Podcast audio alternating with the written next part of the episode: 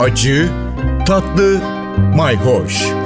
Yemek kültürü yazarı Aydın Öneytan'la bir tutam tarif, biraz da tarih. Merhabalar. Çin yeni yılına girdik. 4721 yılı Çin takvimine göre. Tavşan yılı. Eski Türk takvimine göre de tavşan yılındayız. Her yıl o hayvanın özelliklerini taşıyor. Geçen sene kaplan yılıydı, gelecek sene ejderha yılı. Barışçıl, oyuncu bir yıl gözüküyor. Doğrusu korkutucu kaplan ve ağzından alevler fışkıran ejderha arasında ilginç bir konumlanma. Evet bu sene şaşırtıcı şeyler olabilir. Unutmayalım ki tavşan aynı zamanda da vejeteryan bir hayvan. Çin yeni yılını ve özellikle yenilen yemekleri işlemiştik. Dilerseniz NTV Radyo'nun web sitesinden ve tüm podcast platformlarından önceki kayıtları dinleyebilirsiniz. 15-20 Şubat 2021 ve 31 Ocak 5 Şubat 2022 arası kayıtlara bakın. Çin yeni yılı yemek adetlerini detaylı olarak bulabilirsiniz. Tavşan Çin mutfağında yeniyor ama Çin sınırları dışında tanınan Çin mutfağında pek rastlanmıyor. Aslında bizim mutfağımızda da rastlanıyor. Örneğin Osmanlı'da tavşan yahni var. Ee, son zamanlarda Antalya'daki 7 Mehmet Restoran'ın kitabında da tam 3 tane tavşanlı yemek var tavşan yahni, ızgara ve tavşanlı avcı böreği gibi. Ama ben size tavşan yemeklerinden değil baharatlardan bahsetmek istiyorum. Çin'den Anadolu'ya kadar ulaşan baharatlardan. Çin'in en baharat seven bölgesi kuşkusuz Szechuan bölgesi. Szechuan biberi ağzı uyuşturan özelliğiyle gerçekten çok farklı bir baharat. Szechuan bölgesini de epik tiyatronun öncüsü Alman yazar Bertolt Brecht'in e, Szechuan iyi insanı oyunundan hatırlayacaksınız. Temel insani bir meseleyi ele alır, parayı merkeze alan ve paranın yarattığı değerleri kutsal kabul eden çığırından çıkmış bir dünyada nasıl iyi bir insan olunur diye sorgular. Szechuan da aslında dünya literatürüne biberi kadar bu oyunla da geçmiş.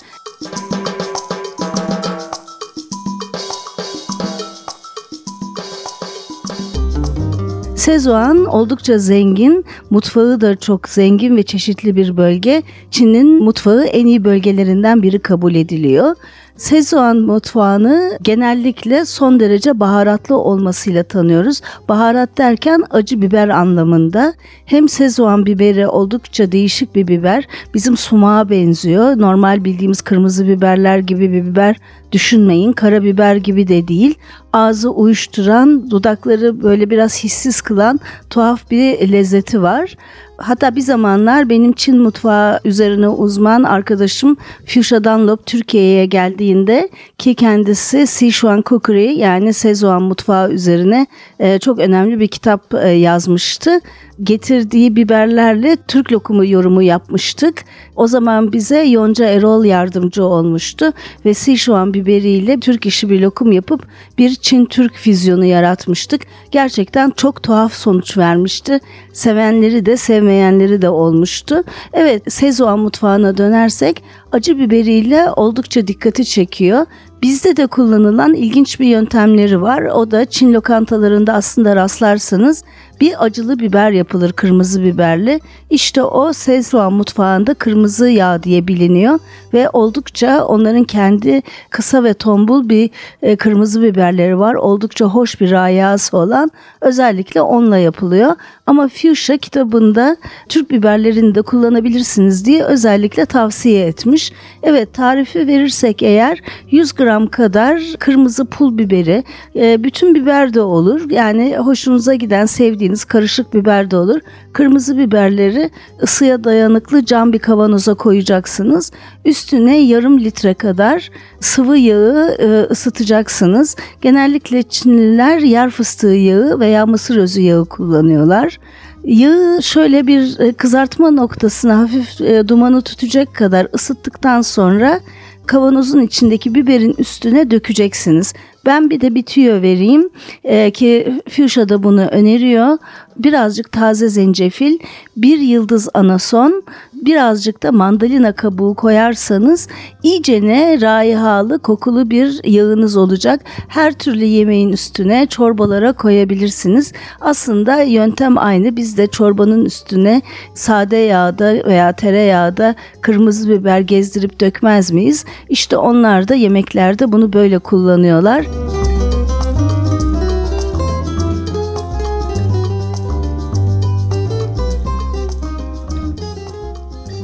Kırmızı yağ konusunda kitchen'de hongyu diyorlar.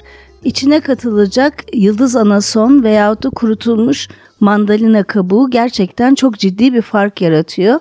İsterseniz Çin mutfağında gene çok kullanılan sarımsak ve zencefil de katarak daha hızlı tüketmek üzere çünkü sarımsak zaman içinde kokusunu biraz bozabilir.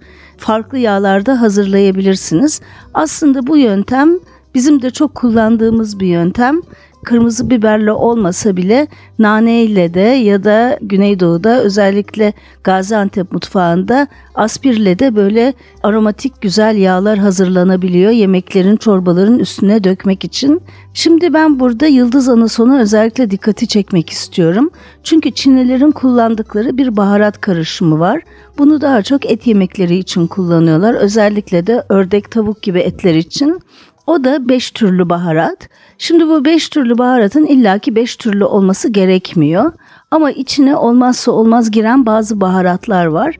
Bunlardan biri yıldız anason. Szechuan biberini söylemiştik zaten o da giriyor ki o bizim mutfağımızda hiç yok bize gelmiyor. Onun dışında bizim topraklarımızda yetişen rezene tohumu kullanılıyor. Karanfil olabiliyor. Bir de Çin tarçını denilen aslında tarçına benzeyen ama gerçek tarçın olmayan kasya kabuğu kullanılıyor. Evet bu da aslında bizdeki e, tarçınların da çoğu gerçekte kasya kabuğudur. Dolayısıyla orada da bir sorun yok. Şimdi bu beş türlü baharatı herkes kendine göre hazırlıyor. İçine zencefil de katılabiliyor. Bizde de benzeri beş türlü baharat Güneydoğu Anadolu mutfağında oldukça sık rastlanır. Özellikle Mardin hatta Gaziantep buralarda birazcık da o baharat yollarının etkisiyle Orta Doğu'dan geçen böyle karışık baharat kullanımları çok vardır. Hatta bazen yedi türlü olur. Gene içeriği değişebilir. Bizde Szechuan biberi yerine ağırlıklı olarak kişniş kullanılıyor mesela. Bizde de bu baharat karışımları genellikle et yemeklerinde kullanılır. E, köftelerde kullanılır. Bulgurlu köftelerde de kullanılır. Dolayısıyla benzer bir kullanım var. Ben burada yıldız anasını özellikle dikkati çekmek istiyorum demiştim eskiden Osmanlı mutfağında da olan ve badiyane diye adlandırılan yıldız şeklinde bir baharat. Tadı anasona benziyor ama birazcık da meyan kökünü andırıyor. Son derece ilginç. Nedense kullanımı artık mutfağımızdan tamamen çıkmış ama hem tatlılara hem etlere son derece yakışan ilginç bir baharat.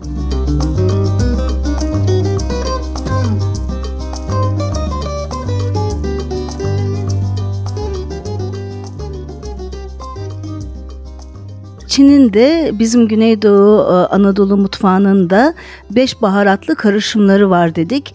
Beş türlü baharattan en önemlilerinden biri Çin'de anason, yıldız anason ama sekiz tane sivri ucu olan tam da yıldız şeklinde bir baharat bu. Osmanlı'da badiyane diye geçtiğini söylemiştik. Badyan veya badeyan diye de geçiyor. İlginç bir şekilde bizim bildiğimiz anason Anadolu topraklarında da yetişen eskiden Badiyane-i Rumi diye adlandırılmış. Rumi kelimesi nereden geliyor? Rumi aslında Anadolu Selçuklularına da Rum Selçukluları denmiş bir zamanlar. Çünkü Anadolu Rum yani eski Roma'dan adını alıyor. Rum diyarı olarak nitelendirilirmiş. Evet anason bizim topraklarımızın bir baharatı maydanozgillerden ama bu yıldız anason tamamen farklı bir bitki. Manolya ağacıyla bağlantısı var. Latincesi ise Illicium verum diye geçiyor. Burada verum kelimesi gerçek anlamına işaret ediyor. Çünkü bu baharatın gerçek olmayanları da var. Japonya'da yetişen bir tanesi de adını gene anasondan almış. Anasona tadı benzediği için. Onun da adı Illicium anistatum diye geçiyor. Fakat Japonya'da yetişen bu tür yüksek derecede toksik hatta e, bayağı tehlikeli. Onun için e, yıldız anasonu gerçekten emin olarak almak lazım. Elysium verum olan e, Vietnam'da veyahut da Güney Çin'de yetişiyor. Zaten Çin mutfağında çok kullanıldığı gibi Hint mutfağında da özellikle garam masala baharat karışımında kullanılıyor. Bir de şimdilerde bizde de biraz moda olmaya başlayan masala çay var. Sütlü çay e, baharatı. İşte onun içinde de muhakkak yıldız anason var.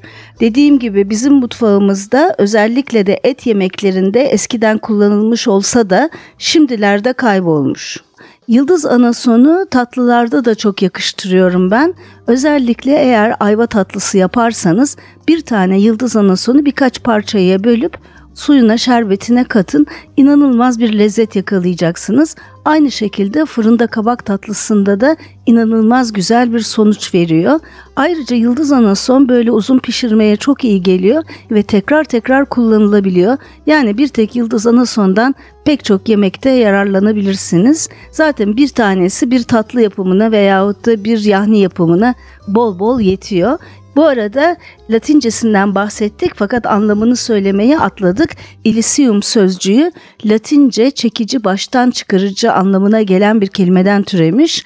Yıldız anason gerçekten baştan çıkarıcı bir lezzet, çekici mi çekici her yemeğe de yakışıyor. Bir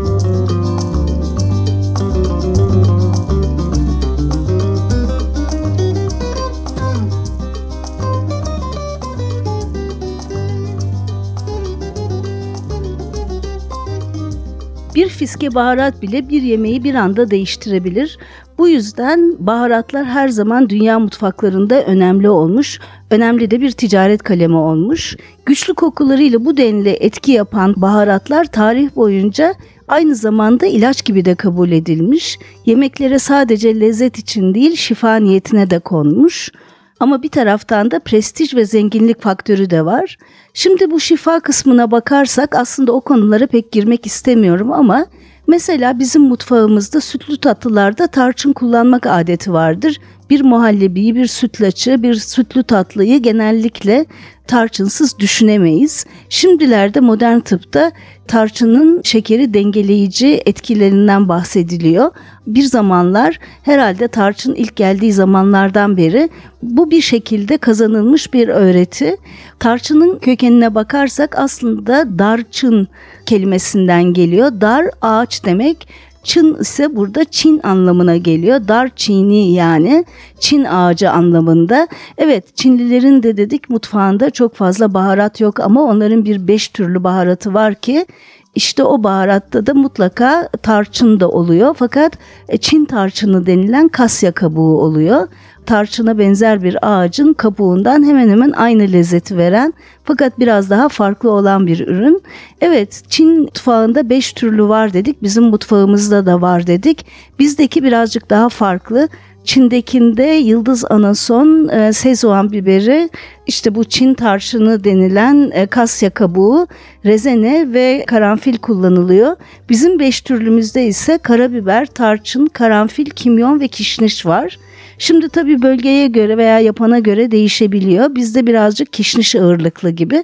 Ben ama özellikle karabiber ve tarçına yönelmek istiyorum. Çünkü kimyon ve kişniş Türkiye'de yetişiyor. Ee, bizim topraklarımızda yetişebilen e, hatta kimyon için dünyada önde gelen üreticilerden biri olduğunu söyleyebiliriz.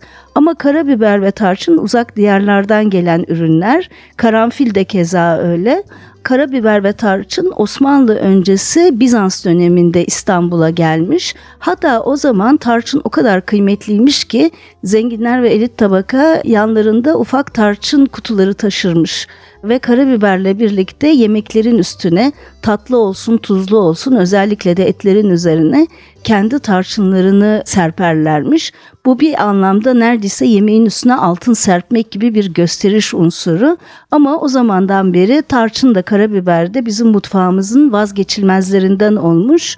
E, nitekim bugün tarçının etli yemeklerde kullanımı oldukça azalsa da eskiden Osmanlı mutfağında darçın yani Çin ağacı kabuğunun çok da kullanıldığını eklemek lazım. Evet baharatlarla ilgili ilginç bilgilere zaman zaman devam edeceğiz. Takipte kalın, hoşça kalın. Bir tutam tarih, biraz da tarif. Aydın Öneytan'la Acı Tatlı Mayhoş Arşivi ntvradio.com.tr adresinde Spotify ve podcast platformlarında.